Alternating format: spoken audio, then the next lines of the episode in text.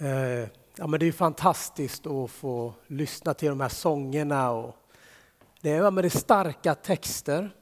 Och jag tänkte läsa lite från Matteus evangeliet och tänkte utgå i några minuter från några tankar jag burit de senaste veckorna inom mig.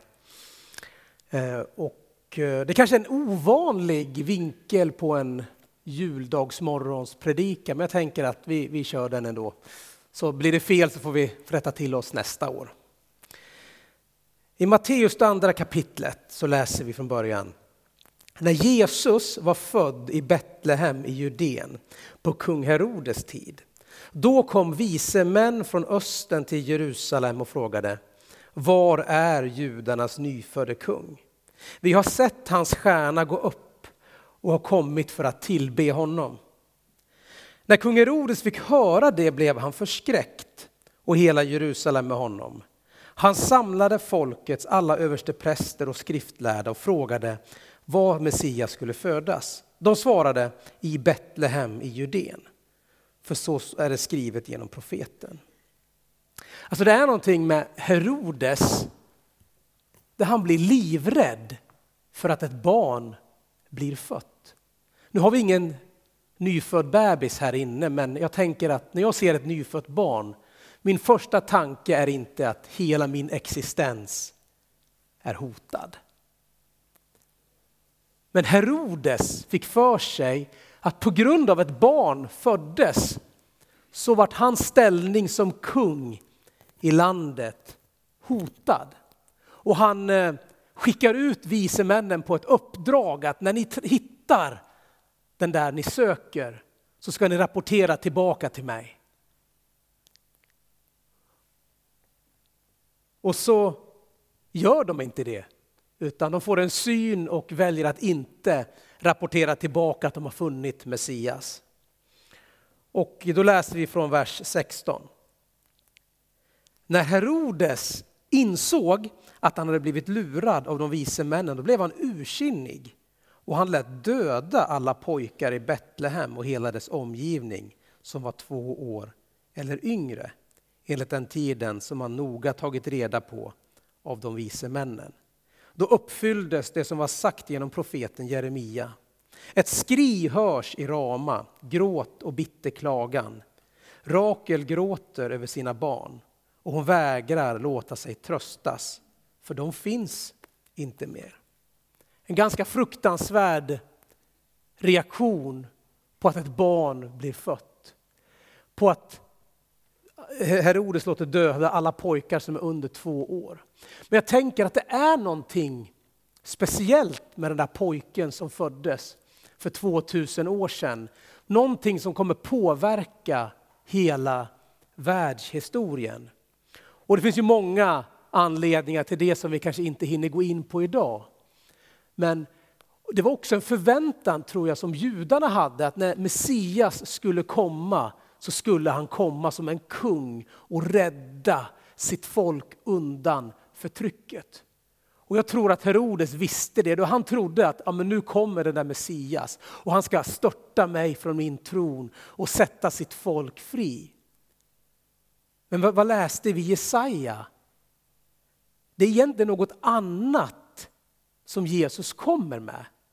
Om vi läser Gamla testamentets texter, redan egentligen från syndafallet, när människan, när Adam och Eva syndar, så står det att jag ska sätta fiendskap mellan kvinnan och mellan din avkomma och hennes avkomma.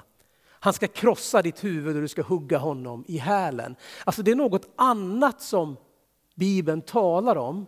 Att Gud en, en gång för alla ska göra upp med synden, med mörkret. Där det råder ångest, förtvivlan och mörker, där ska ett ljus träda fram. Jesus kom inte för att hota Herodes makt, utan han kom för att bringa frälsning och försoning.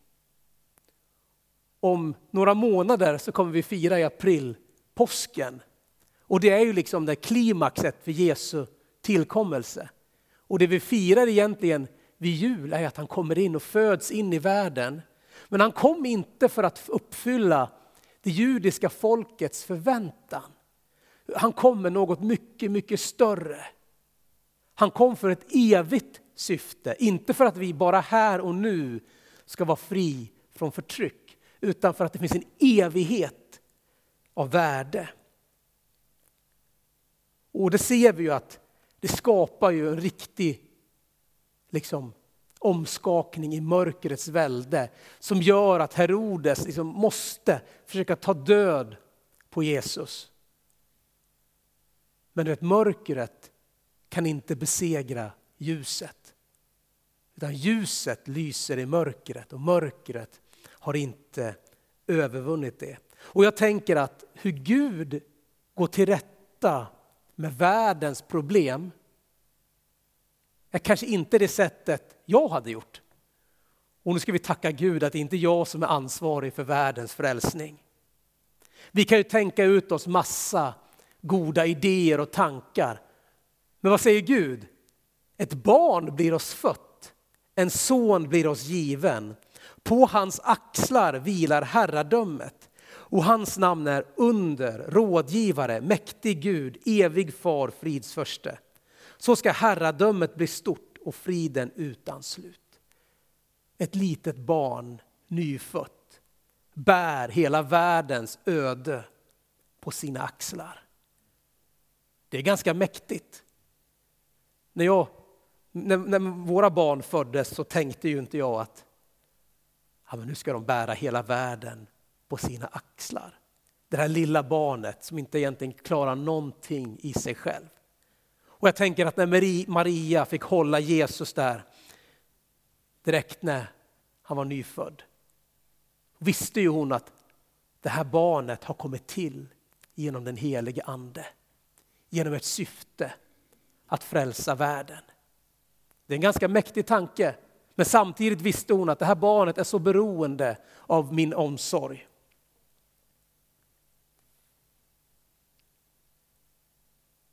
Och Jesus kom för att bringa försoning.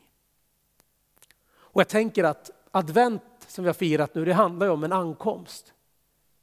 Och vi vet ju, vi som lever här och nu, vi väntar ju på hans andra ankomst. Så våran liksom, adventsfirande kommer aldrig ta slut förrän en dag när Jesus ska komma tillbaka. Och vi pratar om det, vi längtar och vi funderar, hur ska det gå till, på vilket sätt? Och det finns ju så många diskussioner och debatter och funderingar och jag har inte alla svar. Men jag vet en sak, att en gång, en dag så kommer Jesus tillbaka. Och då kommer han inte som ett lamm. Han kommer inte som den där tjänaren som gick upp på ett kors, utan då kommer han som kungen.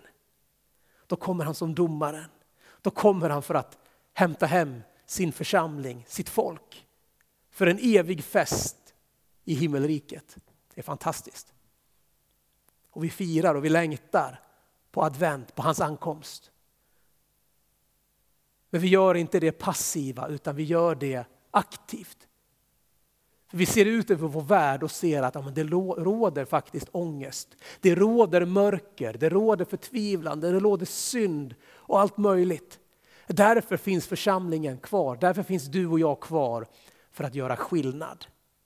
Så låt julens budskap om ljus i mörkret vara en påminnelse för oss att leva våra liv till hans ära. Låt oss leva nu nästa år för att fler människor ska få upptäcka Jesus. Inte julklappen kanske, inte julmaten, utan nästa jul låt människor få tacka Jesus för att han kom för att frälsa, upprätta och sätta fri. Vi lever med ett syfte. Och låt julen påminna oss om att lyfta vår blick till honom. Amen. Jesus, jag tackar dig för julens budskap. Det handlar inte bara om det som är gulligt och vackert, utan det handlar om någonting större, Herre. Att du kom för att ge liv. Att du kom för att ge försoning. Att du kom för att möta den som lider av ångest, depression. Möta den som är bunden i syndens välde. Du kom för att ge frälsningar. Och jag tackar dig att vi får leva våra liv, Herre, inför dig det kommande året, Herre. Leva vårt liv med ett syfte. Att se andra människor få höra talas om dig Jesus. Att få andra människor att uppleva den enorma nåden det är att få möta dig Herre. Att få sitt liv förvandlat av dig Herre. Oavsett vad man har gått igenom Jesus. Så kan du sätta oss fria. Så kan du byta ut vår sorg till glädje och vår klagan till dans Herre. Jag tackar dig för det. I Jesu namn. Amen.